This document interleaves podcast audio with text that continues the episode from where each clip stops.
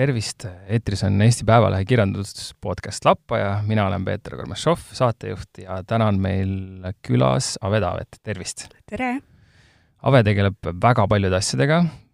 oled äh, õppinud animatsiooni, oled meil Päevalehes äh, karikaturist ja samuti kirjutad novelle. tutvusta palun ennast lähemalt, et äh, mis, mis võiks olla sinu selline peamine tegevusvaldkond hetkel? Äh, no viimased kuud need on äh, olnud eelkõige äh, tegelikult üks suur filmiprojekt ja siis äh, karikatuurid, mille eest pääsu ei ole, et neid ma jah, LP-le ja ka kultuuriajakirjale Vikerkaar äh, teen äh, juba igakuiselt äh, viimased kaks-kolm aastat äh,. ja, ja siis äh, kirjutamine jah, aga kuna nüüd mul kirjutamise rindel on käsil äh, esimene pikem teos, mitte enam novell, siis äh, ma avastasin kevadel, et kahte suurt asja ikkagi korraga ei jõua vedada ja siis äh, hetkel võib-olla see kirjutamine on natukese rohkem tagaplaanil ja filmiga finišisse jõudmine äh, kerkis esile, aga selles osas on ka häid uudiseid, sest ma täna hommikul just käisin monteerija juures, kes vaatas äh, montaažirea läbi ja ütles, et kõik on väga kenasti ja tema ei muudakski seal enam midagi. nii et vähemalt see visuaalne pool filmist on valmis. ja filmi aluseks on ka üks novell, üks lugu äh, Silitada siili, mis äh,, mis on ka äh, kaante vahel nii ühes Eesti novellikogumikus kui ka Valeraha tegijas, mis on minu jutukogu, ilmus möödunud detsembris. kas äh,, millest, millest see film veel täpsemalt räägib, mis, mis selle, see lugu on äh,? Oh, see räägib päris paljudest asjadest, et äh, seal on äh, abielutüdimus äh, kortermajade rajoonis äh,, seal äh, ma loodan, et tuleb läbi ka selline äh, jah, see magalarajooni võbe äh, ja inimese üksilduse tunne, aga ka enese animistliku poole otsimine ning äh, et seal on ka selline, jah, see Siil ongi selline triksterlik tegelane nagu kujumuutja ja selline ähm, äh, jah, nagu sekkuja ja sündmuste käivitaja. Ähm, ning selle loo alapealkiri oligi Sügisene romanss, et seal on äh, noh, kindlasti palju ka sellist äh, romantilist teemat, mis haakub tegelikult ju ka tänase saate algpõhjuse ja läbiva teemaga. tõsi, äh, enne kui selleni jõuame, siis tahtsin veel, tahtsin tegelikult veel puudutada, kuna sa need asjad juba ise ära mainisid, selline võib-olla Nõukogude mm, pärand ja, ja teine asi, see animism, et need on ju tegelikult asjad, mis on sinu loomingus olulisel kohal. mis veel võiksid olla need teemad, mis sind köidavad? Äh, võib-olla need kõik saaks mingisuguse ühisnimetaja alla viia, kui seda piiritlust natukese laiendada, et äh, ma arvan, et mind, üks teema, mis mind on läbivalt huvitanud, ongi argistes asjades poeetilise mõõtme leidmine, et äh, Nõukogude arhitektuuri juurde ma jõudsin ka läbi selle näiteks, et mind äh, mõne aasta eest hakkas kohutavalt huvitama betoon ja siis äh, ma hakkasin selle kohta lugema kõikvõimalikke äh, materjale, näiteks äh, betooni kultuurilistest konnotatsioonidest ja äh, ühel Nõukogude kirjanikul Klatkovil on kolmekümnendates selline suurepärane romaan nagu Tsement, äh, kus betoon on peaaegu personifitseeritud kõrvaltegelase rollis.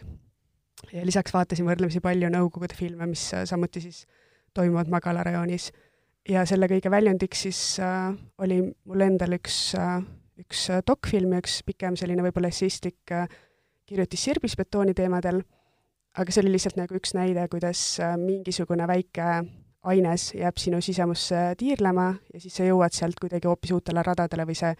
aitab mudeldada mingisuguseid keerulisemaid filosoofilisi teemasid uh,. Siis pärast uh, betooni võib-olla järgmine selline argine näide oligi see soojuspumbad, kuna ma elasin parasjagu ühes väga uh, jahedavõitu vanas korteris Tallinnas ja uh, soojus oli selline uh, läbiv teema enda jaoks ning uh, kuidagi sundmõtestas mu tänavapilti ka, et uh, kui ma uh, jalutasin ringi, siis ma nägin väga palju soojuspumpade müügisalonge või reklaame, mis äh, pakkusid soojuspumpasid äh, ja võtsin seda ka kuidagi märgina, et selle teema kohta rohkem lugeda. Ning äh, kui näiteks betooni puhul see keskne metafoor tundus olevat mälu ja mäletamine, mida siis võiks sellest ainesest lähtuvalt käsitleda, siis soojuspumbad väljendasid siis selles romantilises novellis. ja praegu viimasel ajal olen palju mõelnud graniitkillustiku peale selge sellised äh, geoloogilised teemad. aga kui, ähm, kui me räägime sellest soojuspumpade müüja jutust, siis kohe, kuna sa seda mainisid, äh, Poendi raamatu poel on ilmunud selline novellikogu nagu Armastus pärast ja teisi lugusid, mis meil mõlemal siin on ka kaasas stuudios. ja siin siis sinu lugu ongi soojuspumpade müüjast. räägi palun selle loo saamisloost, et see on selline väga ühelt poolt naljakas, teiselt poolt kurb ja, ja ka siis ikkagi kuskilt otsapidi ka seda maagilist ja realismi puudutav, mis sinu juttudes on alati olemas. Äh, no see saamislugu vist sai juba võib-olla osaliselt eelmises vastuses ära avatud, aga, aga jah, et soojus oli endal äh, mõttes olnud mõnda aega, äh, sügisel, kui ilmad jahedaks kiskusid, ka see novellikonkurss avanes ja see oli väga niimoodi mm,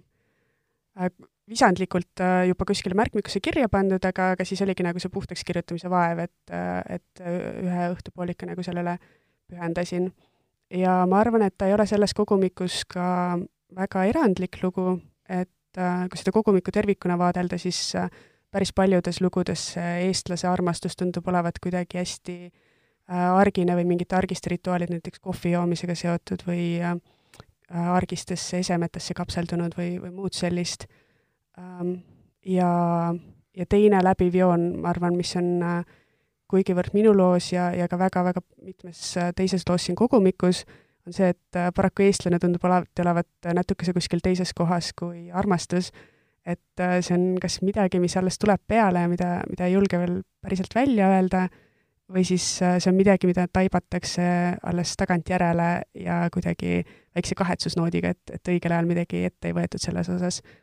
Mm, et jah, see eestlase ja armastatuse vahel tundub olevat mingisugune nihestatus see on, äh, natuke meenutab äh, võib-olla juba Tammsaaret, kui klassikut tsiteerida, et jah, Tammsaare on ka hea, hea näide, et kui, kui võrrelda seda soojuspumpade müügimeest Tammsaarega, siis jah, nagu selliste tehniliste probleemide lahendamine on alati kindlasti lihtsam kui tunnete või emotsioonidega rinda pistmine. ja samuti mm, mulle, ma arvan, et nagu eesti kirjanduses vist armastus ei ole kunagi olnud ka selline äh, tüviteema vähemalt selline immanentne ja, ja, ja kõikehõlmav armastus, et kui vaadata kas või äh, vene, vene kirjanduse poole, mida mul on rõõm olnud palju lugeda, siis ähm, mulle tundub, et seal see on kuidagi hoopis rohkem käivitav jõud ja mingisugune kese, mille ümber terve maailm nagu tiirleb, et et eesti kirjandus suhestub armastusega veel üsna arglikult võib-olla tõesti ja samas ka, kui, kui mõelda betooni peale ja, ja, ja üldse ka teiste elementide peale sinu lugudes, siis absurd on äh, oluline asi, mis on ka kindlasti tähtis vene kirjanduses, näiteks kui me võtame kas või Danil Harmsi ühe sinu lemmiku ja, ja mulle ka on teda väga meeldinud lugeda, et äh, ja selline naer läbi ka pisarate mm. -hmm. Ja, ja mis veel võib-olla vene kirjanduses, mis sind on äh, inspireerinud või meeldib sulle mm? -hmm. no Harm, Harms kindlasti ja ähm, ma usun, et paljusid raadiokuulajaid puudutab äh, Bulgakovi nimi äh,, siis Venja Jerofejev, kes ju ka tegelikult sõitis lihtsalt rongiga, ennast täis, aga sealjuures mõtles äh, katkematult armastatu peale. Moskva Petuški, sa mõtled ja,, jah? just ja eks klassikud ka tegelikult ja, ja Gogol, kellel on küll üllatavalt vähe armastust, aga see-eest tal on kuhjaga huumorit ja sellist äh, ka mm, folkloorset elementi sees, ma arvan, et see, et ma kunagi Tartu Ülikoolis äh, etnoloogiat ja folkloristikat äh, olen äh, mõned aastad õppinud, lõpetasin, lõpetasin baka sellel alal, siis see on ka kuidagi vorminud seda loo jutustamise ja kirjutamise praktikat. et mingisugused arhetüübid ja mingisugused vormelid või, või mõjutused on ikkagi ilmselt sealt ka kaasa tulnud ja see näiteks muudab ka Google'i teosed lähedaseks, et ta on äh, palju sellist rahvapärandit kuidagi humoristlikus võtmes novellidesse äh, sisse pannud. kas sa oled ise ka Venemaal rändamas käinud, sest kui, äh, kui üks sinu jutt ju ka, mis eelmisel aastal Värske Rõhu preemia kirjelduses ära mainitud sai, oli täispilet ja see toimub Moskvas uh,. Jah, on, on olnud rõõm palju käia Venemaal uh,. ma sattusin sinna küll võrdlemisi hilja, ma gümnaasiumis ei, ei õppinud isegi vene keelt, B-keeleks oli saksa keel ja siis äh, korraga Tartu Ülikoolis äh, tekkis huvi nii, nii Venemaa kui vene keele ja kultuuri vastu. Äh, ja esimene selline, mm, ma arvan, murdepunkt, kui oligi see, et kaks tuhat üheksa käisime geoloogide ja, ja teiste Lotte üliõpilastega Marimaa reisil, mis oli selline kümnepäevane bussiga sutsakas mööda erinevaid külasid ja, ja see see reis kindlasti väga mitmeti mõjutas seda, et äh, see, või noh, andis sellise äratundmise, et, et see on mingisugune äh, eluviis, mida sooviks lähemalt äh, tundma õppida. ja siis tegelikult äh, juba järgmisel kevadel ma läksin Voronežisse äh, vene keele ja kultuuri äh, fakulteeti siis välismaalasena vene keelt õppima. ja, jah, ja pärast on olnud äh, pikematest reisidest on kaks äh, mm, ekspeditsiooni Siberisse märtsiküüditatute jälgedes ja veel oleme külastanud äh, EKA ekspeditsioonide raames äh, Moskva eestlasi ja Piiteri eestlasi, mis äh, väljundiks oli näituse projekt ja ka sellised, ütleme, etnoloogiat ja kunsti kombineerivad välitööd. aga see täispilet, see novell, mis toimub Moskvas, mm, ehk seal on küll mainitud mitmeid Moskva muuseume, siis ütleme, see, see muuseum, kuhu peategelane lõpuks uitama jääb, et ähm, selle arhetüübid on väga erinevatest äh, Vene muuseumidest kokku pandud, millest ma arvan, et üks märgilisemaid oli üks äh, Anna Ahmatovale pühendatud muuseum äh, Piiteris, ähm, kuhu ma sattusin täitsa juhuslikult, ma tahtsin jõuda välja Neeva suudmesse, leida, või noh, vähemalt sinna enam-vähem sadamarajooni, et võib-olla seda vilksam isegi näha. see on küll väga industriaalne ja kinnine ja täis ehitatud ja ma tahtsin sinna ka enam-vähem jalgsi kohale jõuda, mitte, mitte metroo ja busside abiga, on ju Äh, ja ma kolasin seal kuskil kortermajade vahel ja ühe keldriukse kohal oligi silt, et Anna Ahmatova muuseum, äh, mis tundus üsna kohatu ja siis äh, ma läksin lähemalt uurima, oli väga tore muuseumikülastus, see oligi selline, ütleme, fännarti võtmes võib-olla väljapanek, kus oli hästi palju kiirköitjaid erinevate välja prinditud luuletustega, iga tuba oli värvitud ise värvi, seal oli millegipärast hästi palju Vana-Kreeka kujude koopiaid, nii et see natuke meenutas omakorda ka Tartu Ülikooli muuseumi. Äh, ja, ja kuidagi jah, see nihestatus äh, ja, ja see ootamatus ning samas ähm, ähm, südamlikkus ja armastus selle poetessi vastu, mis seal, mis seal muuseumis oli, et see kõik tekitas jällegi jah, sellise maagilise realismi tunde, mis, äh, mis käis mõnda aega kaasaks, kuni ühe elemendina leidis siis oma koha mingisuguses kirjanduslikus väljundis sa oled öelnud, et sinu jaoks on lühijutt võimalus nagu mingit äh, ideed läbi proovida või katsetada, kas sa mulle selgitaksid seda lähemalt? Mm? -hmm. Uh, no lühinutt, lühijutt, lühinutt väga, väga freudistlik äh, libastus, aga kalambuur. Lühi, lühijutt on äh, jah, selles mõttes äh, ühelt poolt nagu vähenõudlik žanr, et, et sul võibki olla mingisugune üks äh, emotsioon või mõtteuid või, või kangastus mille, mille sa nagu kirjutad mõnel leheküljel lahti ja sa ei pea liiga palju mõtlema selle struktuuri ja dünaamika peale, aga samas sa pead kuidagi sealt eraldama kõik äh, liigsed, see peab olema ikkagi nagu päris hea kontsentraat. ja harilikult äh, ma saangi nagu ühe soojaga selle jutu kirja, aga ma võin nagu tema kallal äh, nokitseda ja nokitseda just selles mõttes, et ma võtan sealt asju vähemaks äh,, et äh, et ta pigem oleks nagu seal, seal jah, selline kontsentraat, võimalikult tummine tükk. Äh, ja teisalt ma arvan, et äh, miks ma vähemalt olen alustanud lühivormides, on ilmselt seotud ka loomeprotsessiga, et kuidagi aju käivitub kõige rohkem ikkagi äh, pikkadel jalutuskäikudel või, või matkadel või reisides, et siis on nagu selline hea jõudeolek ja mm, uued muljed tulevad ja sa ei ole, sa ei ole kuskil, sa oled kuidagi oma tavapärasest keskkonnast väljas ja, ja selline hea, hea dünaamika tekib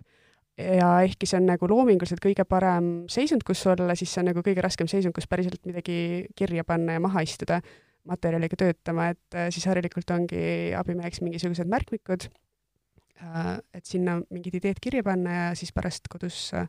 rahulikumalt nagu nende kallal töötada mm,. jah.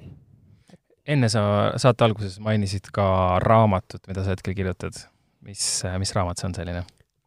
see on äh, lugu ühest insenerist äh,, insener Artur Albert Seenest äh,, mis jõudis minuni üsna juhuslikult äh, mõned aastad tagasi. ma olin äh, kaks tuhat kaheksateist äh, Uus-Meremaal äh, seljakotireisil ja siis äh, äh, töötasin ka köögis muide, et äh, kuidagi sealt äh, tekkis äh, äh, jah, nagu sa lähed ühte kohta ja siis tekib selline uid, et tahaksid veel edasi minna. Ja ma kirjutasin äh, reisiblogis ka sellest, et äh, tekkisid mõtted minna edasi Lõuna, Lõuna-Ameerikasse ja Aasiasse, mille peale üks äh, sõber, folklorist, kes oli just äh, teinud välitöid Urvaste kihelkonnas äh,, Lõuna-Eestis sattus äh, sattus ühe ajaloolise tegelase peale ja, ja leidis ühe ajalehe väljalõike tema kohta. äh,, saatis selle mulle küsimusega, et kas ka sinu saatus. Ja väga lühidalt kokku võttes siis see ajalehe väljalõige äh, rääkiski Artur Albert Seenest, Eesti insenerist, kes läks äh, kaduma tuhande üheksasaja seitsmeteistkümnenda aasta revolutsioonikeeristes äh, Venemaal ning äh, avastati Prantsuse maailmaränduri poolt äh, mitmed aastad hiljem Galapagose saarel, kus ta siis veetis oma ülejäänud elu ja ta on äh, selles mõttes kohapärimuslik tegelane, et Urvaste kandi vanemad inimesed natukese veel nagu mäletasid seda lugu.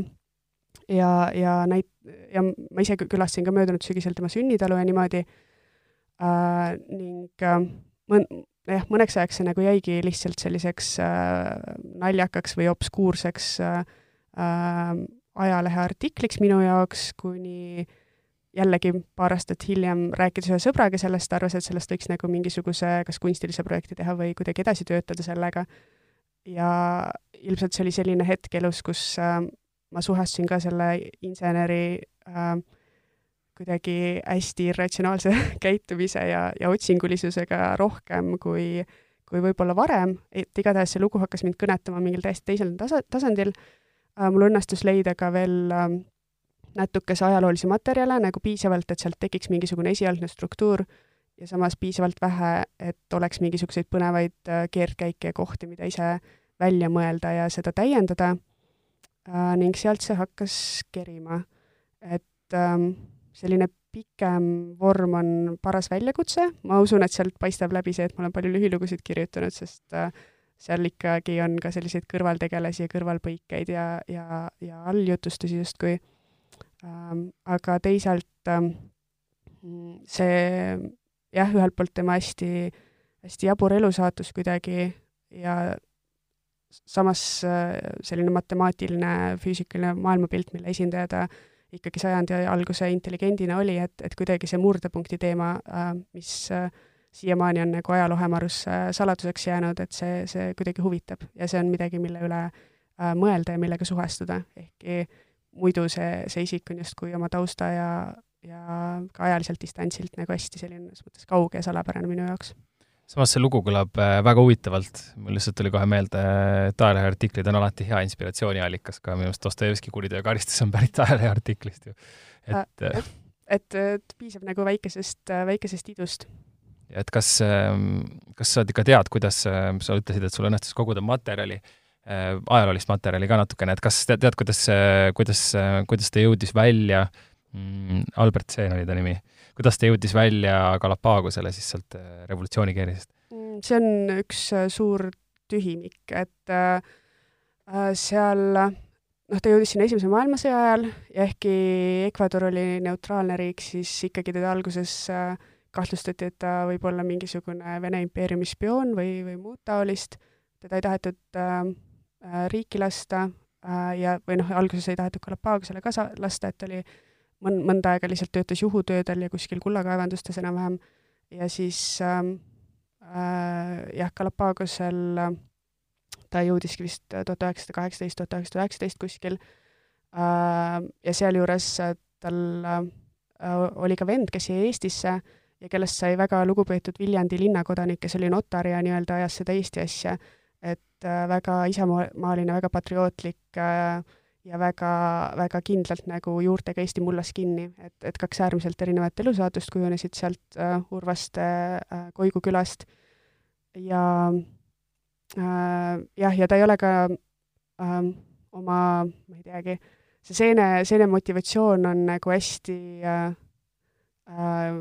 võib-olla ongi nagu võtmeküsimus selle, selle, selle teema, teema ja selle loo juures ka, et ta ühele Ecuadori ajalehele küll nagu moka otsast mainis, et äh, ta otsis lihtsalt nagu kohta, kus rahulikult olla, aga samas hiljem, kui äh, Eesti Vabariik teda ka tagasi kutsus, et siis ta ütles äh, kuidagi ebalevalt, et tal nägemine ei ole enam päris see, mis, mis ta oli, ja et ta nüüd vanuigi, ehkki ta oli vist siis natuke üle viiekümne, et ta vanuigi ei soovi ikkagi enam reisida. kui üldse midagi, siis ta igatses Eesti koorevõi järele Eesti koorevõi on, on suurepärane, ma olen täiesti nõus sellega, eriti sellel ajal kindlasti et äh, aga selline seiklusjutt, ma olen muidugi ise Uus-Meremaal käinud ja minu meelest äh,, minu meelest on see, on see ka üks äh, üks selline keskkond, mis võib-olla aitab sul luua seda Galapagose maailma, mis on küll teistsugune, aga, aga selline hästi looduse, loodusekeskne maailm um,? Jah, samas uh, mulle tundub, et isegi Tallinnas on nagu kergem sellist uh, üksioleku tunnet tekitada kui Uus-Meremaal, vähemalt uh, seljakotirändurina, et uh, vähemalt koroonaeelsel ajastul küll kõik sellised avastamata pärlid ikkagi üsna palju kubisesid äh, uudishimulikest pärlpüüdjatest, kes äh,, kes siis äh, ka nagu noh, tarbisid kõike seda loodust ja, ja muud sinna juurde kuuluvat ja teisalt äh, ta tekitas hästi suure küllastatuse tunde äh, kuidagi üsna kiiresti. Et äh, ma äh, ma arvan, et ma juba nagu teise või kolmanda kuu lõpuks, et kui, kui mõni kaasrändur ütles, et äh, siin on üks hästi vinge kosk, et lähme vaatame seda koske, siis ma olin selleks ajaks juba nagu näinud piisavalt palju äh, alt üles, ülevalt alla kukkuvat vett, et, et ma ei suutnud nagu selle esmase eufooriaga enam sinna kose juurde joosta. aga äh, jah, võib-olla seal mingisugune, jah, see kaugusetunne kindlasti, et, et ma arvan, et see, see on see mõistmine, mille ma võiksin sealt seeneloo juurde kaasa võtta. et äh, mis, mis, mis tunne on viibida maailma teises otsas. aga jah jah, see rändamine, ma isegi mäletan, et väga palju oli teisi rändureid ja igasuguseid seljakoti, seljakotirändureid, kellega sa reisil tutvud, sellepärast ei ole sa väga palju üksi ja teine asi on jah see, et äh, Uus-Meremaal oli põhine oli minu meelest see, kui, kui oli jälle vaja peatuda ja vaadata järjekordset järve või nagu sa ütlesid, langevat vett ja lõpuks see enam ei olnud äh,, ei olnud kuigi vaimustav. aga kui äh, kui rääkida veel, äh, rääkida veel lühematest vormidest võrreldes pikematega, siis kas äh, ma olen kuulnud sellist asja, et tegelikult enne, kui sa hakkad kirjutama pikemat asja, siis ongi hea kätt harjutada just lühematega, näiteks äh, kirjutada iga päev üks kolmeleheküljeline lühijutt. ma ise ei ole seda kunagi proovinud, aga, aga see peaks nagu aitama luua seda pikemat äh, lugu nagu parema struktuuriga, no tundub loogiline äh,. Jah, see, see on huvitav mõte ja kindlasti midagi, mida proovida, et äh, äh, ma ise võib-olla ka sellepärast, et äh, ma olen seni tegelenud üsna paljude erinevate asjadega, siis ma ei, kunagi ei ole ühe, ühegi asjaga kuidagi väga teaduslikult lähenenud sellele, et ma ei ole selliseid loovkirjutamise võtteid või äh, enese äh, distsiplineerimise võtteid nagu kasutanud äh,, võib-olla peaks, kindlasti peaks, et äh, ma pigem kirjutan puhanguti ja, ja võib-olla ühes aastas võib-olla nagu mõni, mõned kuud, mis, mis äh, nagu väga intensiivselt töötab mingisuguse ühe projekti või ühe, ühe teose kallal või siis äh, jah, kirjutad hoogsalt ja nagu üldse ei mõtlegi selle peale, et tahaks kunagi mõnda filmi teha või, või noh äh,, jah, karikatuurid on küll kogu aeg, aga nad ongi selles mõttes veel eriti pisi-pisi vorm kuidagi äh,. et äh, et äh, jah, minu puhul töötab näiteks äh, september on hea kuu kirjutamiseks, et võib-olla katsetada seda üks päev, üks lühijutt asja kuskil sügise poole. et siis kuidagi on selline vaibumise ja rahunemise tunne ja harilikult siis on ka palju äh,, palju aega ja mingisuguseid suvemuljeid, mida, mida setitada ja selline jah, sügise võbe on kuidagi südamelähedane see on väga huvitav, et sa seda mainid, sest ka mina olen sama asja kuulnud, et just sügis on väga hea aeg kirjutamiseks ja ma ise olen seda alati kahetsenud, et mul sügisel varem restoranides töötades, kui ma töötasin kokana, siis äh, sügis oli alati millegipärast väga selline kiire periood, kuigi öeldakse, et suvi on tavaliselt ja nüüd ka meedias äh, nii, nii-öelda hapukurgihooaeg saab läbi ja siis läheb, äh, läheb nagu kütteks. Et aga väga paljud ähm, loojad, ma mõtlen siin ka kunstnikke ja muusikuid, on just öelnud, et suvel nagu sa kirjeldasid, on kogutud muljeid ja niimoodi see kõik on küpsenud ja, ja sügis on väga-väga hea aeg äh, loomiseks. äkki, äkki see on lihtsalt kuidagi, äh, ma ei teagi, koolisüsteemist meisse juurdunud selles mõttes repressiivne enesekontrollimehhanism, et kui tuleb september, siis tuleb ennast kätte võtta ja hakata agaralt äh, kütet looma, et jah, ma ei, ma ei, ma ei teagi, kus, kus, kus, kust selle juuri otsida kindlasti on ka erandeid, aga, aga jah, september, miks mitte proovida. jah, veel üks asi sinu loomingust rääkides, äh, siis äh, kuna sa tegeled ka pildilise ja visuaalse poolega väga palju, siis äh, jällegi üks mõte, mida ma olen kuskil näinud, mis sa oled, oled arvanud, on see, et, et sinu jaoks tuleb pilt tegelikult enne kui sõna, isegi kui sa kirjutad. kas sa selgitaksid palun seda ka lähemalt uh,? Ma ei, ma ei taha võrrandit liiga keeruliseks ajada, aga mulle tundub, et see uh, isegi võib olla tegelikult pöördvõrdeline uh,, sest äh, vähemalt karikatuure tehes ma sageli panen hoopiski kirja esimesena jutumullid ja siis äh, noh, praeguseks on mingisugune tüpaažide galerii ja siis joonistan need äh, sobivad dialoogipooled sinna juurde ja kõrvaltegelased ja nii edasi, ja seevastu jah, mitmed lühijutud, eriti algusaegadel, põhinesid mingisugustel märkmiku joonistustel, kas või seesama Silitada siili alguses oli lihtsalt üks, üks visuaalne motiiv. Ähm, ja pildiline sisend on kindlasti oluline ka erinevate maastiku- ja ruumikirjelduste juures, et ähm, kuivõrd selles mõttes inimese sisekosmose ja tema välisruumi vaheline hämarala ja see üleminek on mingisugune äh, Äh, piir, mis minu arvates on üsna tegelikult raskesti määratletav sageli ja, ja selles mõttes pi-, üks piir, mille ületamine mind huvitab, et siis äh, see visuaalne ruumitunnetus ja, ja äh, kõik äh,, ma ei, ma ei teagi äh,, värvid ja mustrid ja, ja kõikvõimalikud äh, sellised sisendid kindlasti on kuskil olulised, ehkki nad alati ei jõua nagu visuaalsete ja des-, deskriptiivsete kirjel-, kirjeldustena äh, lugudesse. et äh, jah, kui see, kui see arutluskäik kuidagi kokku võtta, siis ma arvan, et karikatuure ma pigem alustan isegi tekstilisest poolest ja siis äh, lugusid äh, sageli joonistuslikust. väga huvitav äh, viis ja tegelikult äh, karikatuuride kohta küsiksin kõigepealt, et äh, mis sa üldse arvad äh, karikatuurist kui ajakirjandusžanrist, sest et võrreldes, ma ei tea, isegi kümne-kahekümne aasta taguse ajaga tundub, et see on nagu palju vähem, on seda näha ajakirjanduses, Eestis vähemalt Äh, eks tal ole tõusu- ja mõõnaperioodid, et äh, sel kevadel oli ka rõõm osaleda ühe rääkiva peana äh, töös olevas filmiprojektis karikaturist koorist. režissööriks on Raimo Jõerand ja ähm, töötasin natukese siis põhjalikumalt koori loomingu ja elulooliste materjalidega ja noh, näiteks tema oli kolmekümnendate Eestis nii ühiskondliku tegelase kui ka jõukuse poolest, et see, see raha, mis ta teenis, oli võrreldav ministripalgaga tol ajal. et ta elas üsna luksuslikult, oli, oli Päevalehe karikaturist ja sealjuures võis lubada pilgata enesele nagu ükskõik äh, mida, äh, vabadus, mida ta väga kergekäeliselt ka kasutas. Et ilmselt ei ole sellist ühiskondlikku klassi või, või äh, tüpaaži, keda tema sulg ei oleks torganud. üsna õnnetu lõpp oli tal vist, nii palju kui ma mäletan. Jah, ka kahjuks küll, et kardetavasti ta siis lõpetas ise end, enda äh, elu, olles äh, eelnevalt läbi vintsutatud äh, Teise maailmasõja pöörises kiiretest võimuvahetustest, kes kõik olid huvitatud sellest, et äh, äh, tema karikatuurilooming muutuks propaganda tööriistaks ähm,. Aga jah, ja siis äh, ma arvan, et äh, see paarikümne aasta tagune aeg, mida sa silmas pidasid, siis võiks olla Vik Pikkeri põlvkond, et äh, ka paljuski animatsioonitaustaga äh, tegelased ju, et kes äh, Nõukogude aja lõpupoole, kui tingimused olid vabamad, siis äh, tegid ka väga julgeid ja mängulisi karikatuure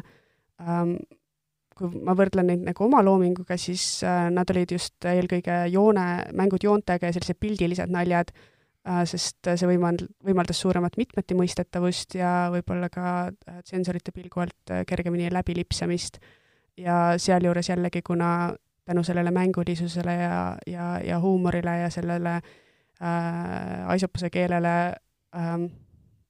karikatuur sai lubada omale öelda asju, mida, mida muud meediumid ei saanud, siis sealt ka see ilmselt see suur prestiiž ja, ja vajadus karikatuuri järele. Mm.. tänapäeval on vist äh, nii ja naa, et enamike suuremate lehtede juures äh, on mingi karikaturist. Mul on endal väga hea meel, et mul on õnnestunud leida seda väljundit, sest nii Vikerkaar kui LP pakuvad väga huvitavaid teemasid, millel kaasa mõelda ja mida ma arvan, et mingisuguse illustratsiooni või või internetiavarustest leitud fotoga nagu ei, ei saaks kommenteerida, et ma väga loodan, et karikatuur annab mingisuguse lisaväärtuse sellele ja teisalt kindlasti on ka arenguruumi, et, et võiks olla rohkem näha seda, seda karikatuure pildis ja äh, Äh, võib-olla ka mõelda, kuidas seda lehtedest väljapoole tuua. täiesti, täiesti nõus, mulle, mulle paistab see, paistab ka niimoodi, et see on mingi asi, mis on nagu võib-olla natuke ära kadunud, aga seal on nii palju potentsiaali, eriti tänapäeva sellisesse noh, kus ma, pilt on äh, olulisem kui sõna või, või vähemalt äh, infovahetusena väga selline hästi toimiv äh, nii ajakirjanduses kui ka sotsiaalmeedias, et seal tegelikult on täiesti võimalus nagu nii-öelda tuhast tõusta. Äh, mulle tundub, et võib-olla selle karikatuuri rolli on suuresti enda kanda võtnud ka meemid, mis on lihtsalt nii palju demokraatlikum pildivorm, et igaühele jõukohased, väga viraalse levikuga ja lihtsalt äh, äh, isegi tänapäeva meedia kiirreageerimisega võrreldes, siis, siis ma arvan, et need reaktsioonid, mis tulevad näiteks, ma ei tea, USA poliitikale või, või koroonale kuskile Facebooki, et, et see on ikkagi nagu enam-vähem minutite küsimus. et, et võib-olla seetõttu ka, et karikatuur on natukese rambivalgusest kõrvale jäämas. aga tulles tagasi kirjutamise juurde, siis äh, kas veel üks asi, millest, äh, millest on räägitud, äh, kui me räägime karikatuuri sellisest võib-olla taassünnist, on lühijutu žanri selline populaarsuse kasv, et mida sa selle kohta arvad või kas sa oled nõus sellega ähm,? jah, kui eelmise aasta algupäraseid proosaväljaandeid vaadata, siis äh, igasuguseid lühijutukogumikke ilmus äh, päris jõudsalt äh,. Noh, siin viimasel ajal on jällegi räägitud seda, et ka välja kuulutatud romaanikonkurss andis väga häid tulemusi, nii et äh, arvatavasti need kaalukausid jällegi on, on teise otsa vajumas. aga ma arvan, et kus on kirjutajaid, seal on ka lugejaid, et see on hea ju, et valikut on äh,, kindlasti on väga äh, erinevas tonaalsuse autoreid ja väga erinevatel põhimõtetel koostatud kogumikke ja, ja kõike muud sellist ja võib-olla see on ka see mm, äh, tarbimis äh, noh, loomulikult ka puhtpraktiliselt, et, et äh, novelli lugu, lugemine nõuab äh, ilmselt vähem keskendumist, vähem, võtab väiksema tüki päevast, et äh, inimesed saavadki novellikogumikke enesega kaasas kanda ja siis ähm, äh, jõu, jõudehetkil või, või ka ühistranspordis või kus iganes kiiresti mõned palad äh, neelata, et oma kirjanduslikku nälga kustutada. ja ma arvan, et äh, ei, ei ole vast sellist küllastumist veel, et äh, enamuse ilmunud teoseid nagu jõuab äh, äh, läbi töötada ja mõtestada ja, ja, ja nad on kuidagi nagu pilti jõudnud see on äh, jah, seesama asi, mis sa just välja tõid, et kuskil ühistranspordis või, või mingis lühe, lühikeses hetkes näiteks, kus istud, ma ei tea, restoranis või või kohvikus, et siis loed selle jutu läbi, et see, see lühivormide ja näiteks noh, novellide selline noh, lühidus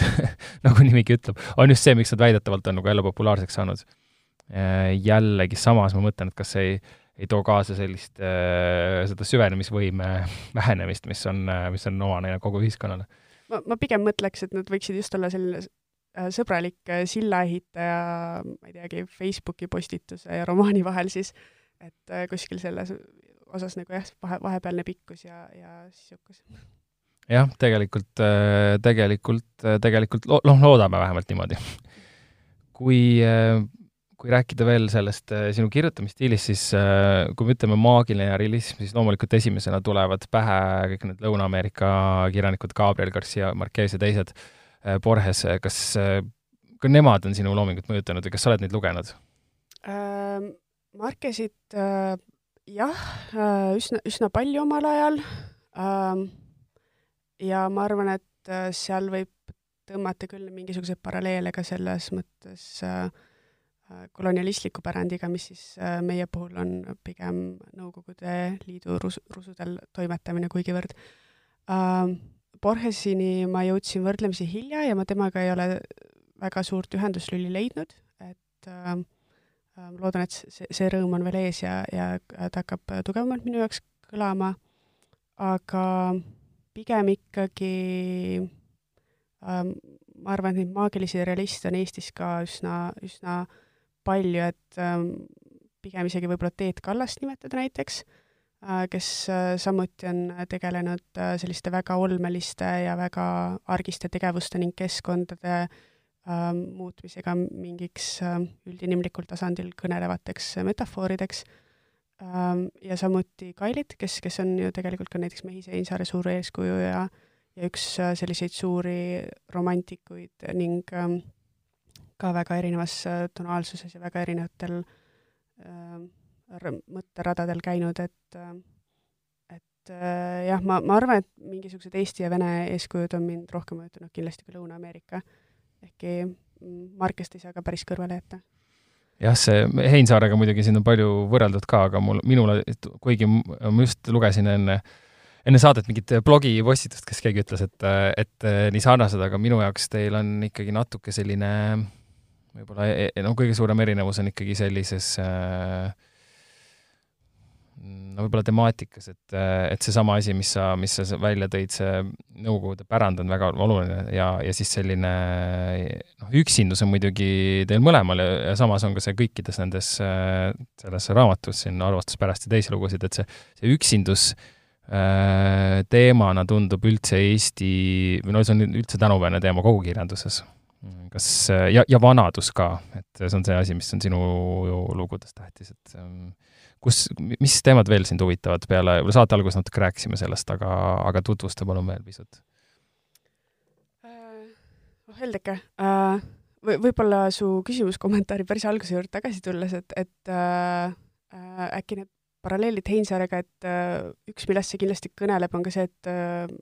meil kirjanduses ongi veel võrdlemisi vähe maagilist realisti, et maagilisi realiste, et et Mm, see, see on nagu mingisugune mõtteviis või mingisugune kirjutamisviis, äh, mis äh, paljudele võib-olla on kuidagi võõristav ja võib-olla Mehise lugudes, äh, eriti hilisemates, on üsna vähe huumorit, aga ja minu lugudes jällegi ei ole nii palju sellist seksuaalsuse surma temaatikat, mis, mis temal on üsna, üsna läbiv ja jõuliselt läbiv. Et mingisugused väikesed erisused on ähm,. vanaduse üksilise teema, et ähm, Äh, ilmselt see, see nihestatus ja, ja, ja võõrandumus ja kõik see, et see nõuab mingisugust teatavat distantsi ja siis võib-olla ongi kuidagi äh, kergem nagu kirjutada jah, mingisugustest äh, sotsiaalsetest gruppidest äh,, kellega sul noh, kelle hulka sa ise nagu päriselt veel ei kuulu, et ma arvan, et see on kahesuunaline liiklus, et et ma ise vast mõne aastakümne pärast hakkan jah, siis kirjutama hoopis äh, mingisugust äh, noorteromaani et, äh, et näis, kuidas läheb sellega, aga ähm, mm, ma arvan, et mul on isegi nagu keeruline sõnastada mingisuguseid läbivaid teemasid, sest see üsna palju oleneb sellest äh,, mis ennast nagu parasjagu huvitab või mis on kätte juhtunud. Et äh, päris mitmed teemad, kus on äh, mitmed lood, kus on äh, Nõukogude pärand esiplaanil, et see lihtsalt oli mingisugune aeg, kui täiesti juhuslikult minuni sattus üks kuupmeeter ajakirja Sotsialistlik põllumajandus aastakäike, mida ma ebaterve huviga jäin lugema ja lehitsema, ja siis, kui sa oled tõesti nagu suvevaheajast enamuse veetnud äh, sotsialistliku põllumajanduse seltsis, siis sa pead selle kuidagi enda süsteemist jällegi välja laskma, et, et siis äh, ilmselt mingisugused elemendid, mingisugused nimed, ametid ja ja kõnekäänud nagu rändasid nendest ajakirjadest kuidagi ilukirjanduslikku vormi ähm,. samuti mind väga huvitab äh, sellise vanema teaduskirjanduse lugemine, lehitsemine äh,, jah, kõik, kõik, kõikvõimalike ka esimese Eesti Vabariigi aegsete ajakirjanduslike väljaannete äh, materjalid on väga tänuväärsed just selle poolest, et nad on hästi eklektilised, sa kunagi ei tea, mille otsa sa satud, et seal võib olla mingisuguseid äh, Äh, kuulutusi ja mingisuguseid poliitilisi teateid ja ka karikatuure ja kõike muud sellist, et ähm, see ongi nagu jah, mingi vanem versioon internetist, et sa lihtsalt äh, tohutu andmekogu ja siis ise vaata, mis sa võtad või jätad sealt. Samuti kõik eelmainitud ähm, äh, ahermaterjalid äh, on äh,, on ka kuidagi osa, otsapidi nagu seotud enda eluga ja mm, teisalt seal ei ole ka mingisugust väga, väga sihipärast liikumist nagu sisendi mõttes, et ma arvan, et lihtsalt tulebki kuidagi avatud silmade ja kõrvadega läbi elu liikuda ja siis äh, endale sobivasse meediumisse või sellele ainesele sobivasse meediumisse äh, tõlkida neid äh, aistinguid aeg-ajalt. jah, see, see on muidugi alati selline, ongi keeruline küsimus, sellepärast et tegelikult ma arvan, et iga, iga looja võtab seda igalt poolt seda, seda ainest et isegi kui ta kirjutab, äh, ma ei tea, fantaasiaromaane, siis ta mõte leiab ikkagi kuskilt reaalsusest ilmselt. Mm, kui, aga jah, mulle tundub, et üks väga oluline element ja üks kõige võib-olla minu lemmikum äh, element sinu lugudes on ikkagi see huumor, sest et äh, seda pole kunagi liiga palju, eriti kui see on selline realistlik huumor, seesama naer läbi pisarate, mis mulle vene kirjanduses meeldib ja mida me korra puudutasime ka ennem. et see on väga, väga, väga selline hea, hea võib-olla mõtteviis, mida levitada, et kui sul on mingi lugu, kus on võib-olla mingi õpetlik äh, sõnum ja kus on ka mingid tegelased, mm, kellel, kellel on mingi asi ajada, et see, et see kuidagi oleks kantud sellisest soojast, soojast huumorist mm. -hmm. Uh, ma arvan, et ta annab jah, nagu sellise paindlikkuse ja paindlikkuse elule ja keerulistele probleemidele lähenemise mõttes ja ta on kindlasti hea ventiil, et äh, eriti kui siin vahepeal sai LPL-e väga poliitilisi teemasid ka kommenteerida karikatuuride vormis, et siis äh, tegelikult ise, ise tundsid ka, et kui sa lased mingisuguse teema endast läbi, aga lei-, suudad seal selle puändi üles leida või selle kuidagi kõverpeeglisse pöörata, et siis see mõjus kohe automaatselt nagu äh, kuidagi vabastavalt ja normaliseerivalt, et äh, kindlasti huumor on, ma arvan, ena, enamikele inimestele kas või teadvustamatult kuidagi selline esmane mm, vaimse ja tervisliku heaolu mehhanism, mida endaga kaasas kanda ja ja võib-olla kui see vahel äh, orgaanilisest elust läheb kaduma, et äh, sa ise äh, ei ja, jaksa enam nalja teha või asjad ei tundu üldse naljakad, et siis võib-olla mingisugune kirjanduslik teos või, või, või film või joonistus äh, võib selle jälle tagasi tuua või meelde tuletada, et äh, et mul on alati väga hea meel, kui keegi nagu on, on lugenud või vaadanud pilte ja ütleb, et äh, äh tõin muige suule, et äh, ma arvan, et see ongi mu võib-olla esmane eesmärk äh, enamike äh, loominguliste projektidega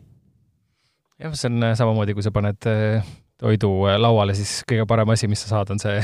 naeratav klient või sõber, kes seda sööma hakkab. hea paralleel, kohane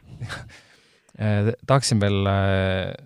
enne kui me hakkame hästi natukene otsi kokku tõmbama, tulla tagasi armastuse teema juurde, hetkel on kunstihoones avatud ka selle teemaline näitus, mis räägib üksindusest äh, internetiajastu,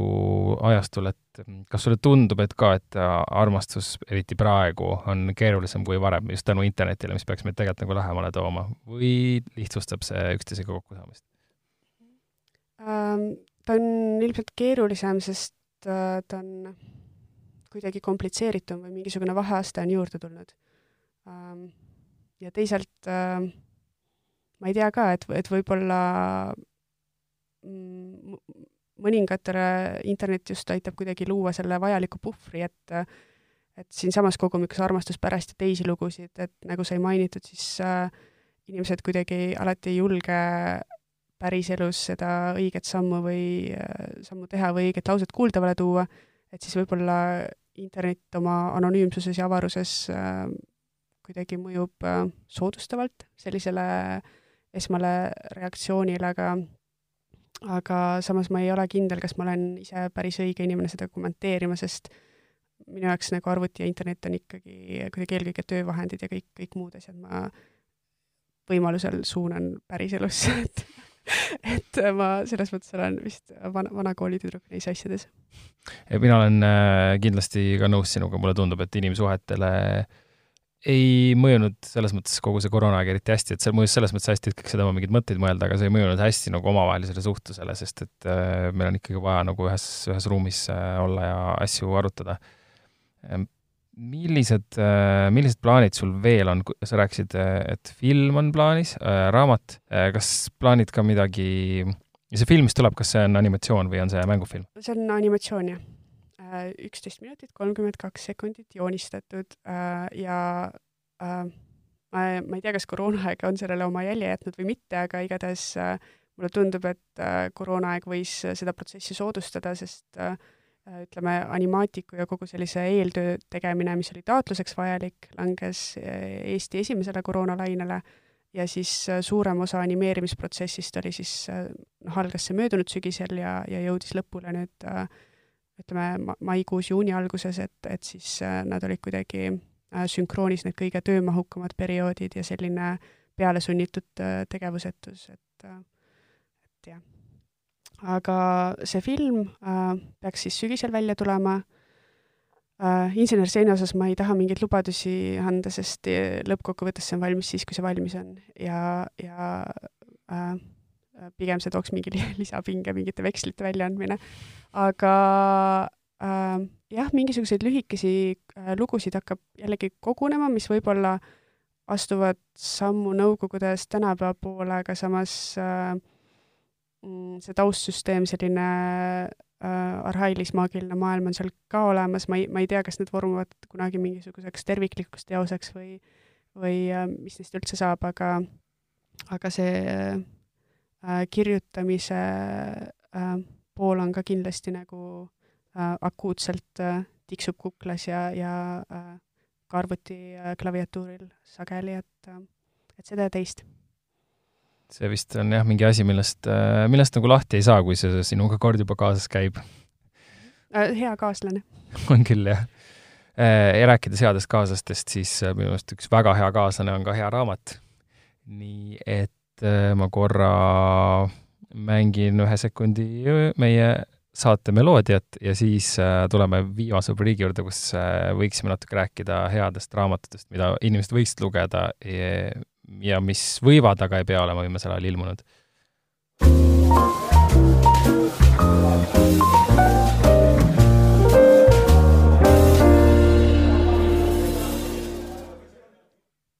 niisiis äh, oleme saate viimases osas, kus äh,, kus räägime raamatusoovitustest ja Ave, ütle palun, mis, mis sulle on viimasel ajal meeldinud, mida sa oled lugenud ja mis on sulle muljet avaldanud äh, oleneb, kui kitsalt või laialt seda viimast aega võtta, aga äh, üks autor, kes tegelikult on eesti keeles pikalt olemas, aga kelleni ma jõudsin äh, alles sel kevadel ja siis äh, töötasin ka kiirkorras läbi kõik, mis äh, talt äh, näppu sattus, on Poola naisautor Olga Tokarczuk äh,. tema äh, viimatine eestikeelne tõlge äh, Aja oma atra läbi koolnute kontide ilmus vist möödunud aastal ja ta kirjutab väga äh, põnevalt äh,, väga kaasaegsetel teemadel, aga samas seal on äh, nii palju ajalisi kihistusi, et need teosed on tõesti nagu noh, kasukas alati, et sa, sa, ta, ta sujuvalt viib sind ajas ja ruumis kaasa nagu erinevatele va-, äh, autoripositsioonidele, erinevatele jutuste positsioonidele. Ja tema stiili on siis nimetatud ka mütoloogiliseks äh, realismiks, et ma arvan, et haakub siin ka eelneva jutuajamisega päris hästi. Ja endale jättis kõige sügavam mulje tema teos Algus ja teised ajad, võib-olla soovitaksin isegi sealt alustada, samas klassikalisema maitsega lugejale äkki see Aja Matra läbi koolnute kontide seal äh, vormiks vähemalt on äh, krimijutustus äh, või selles mõttes äh, tegevus keerleb äh, kuritegude ja nende lahendamise ümber justkui, et, et see on võib-olla traditsioonilisemas äh, laadis kirja pandud ja jah, see, see oleks kindlasti üks tugev, tugev soovitus. ja uudistoodangust veel Loomingu Raamatukogus vist üle-eelmine raamat Portugali autori Peixoto Ei ühtki pilku on ka üks väga nukker vaade, nukker magus vaade ähm, armastuse, üksilduse ja, ja muudel teemadel, mis on väga mm, poeetiline ja väga kuidagi kontsentreeritud keelekasutusega, mil, millega tõlkija Leenu Nigo on väga ilusti edasi andnud. et äh, keda saate teemad puudutasid, siis ma arvan, et need olekski kaks, kaks tugevat soovitust, mida edasi uurida. selge, aga Ave, suur aitäh sulle saatesse tulemast ja kes äh, tahab siis äh, rohkem äh, sinu loominguga tutvuda, võibki lugeda seda Armastuse pärast ja teisi lugusid äh, Puändi raamatupoe välja antud kogumikku ja samuti on veel endiselt raamatupoes olemas Valeraha tegija mm,. ning siis jääme filmi ootama. hästi, teeme nii, aitäh! aitäh saatesse tulemast!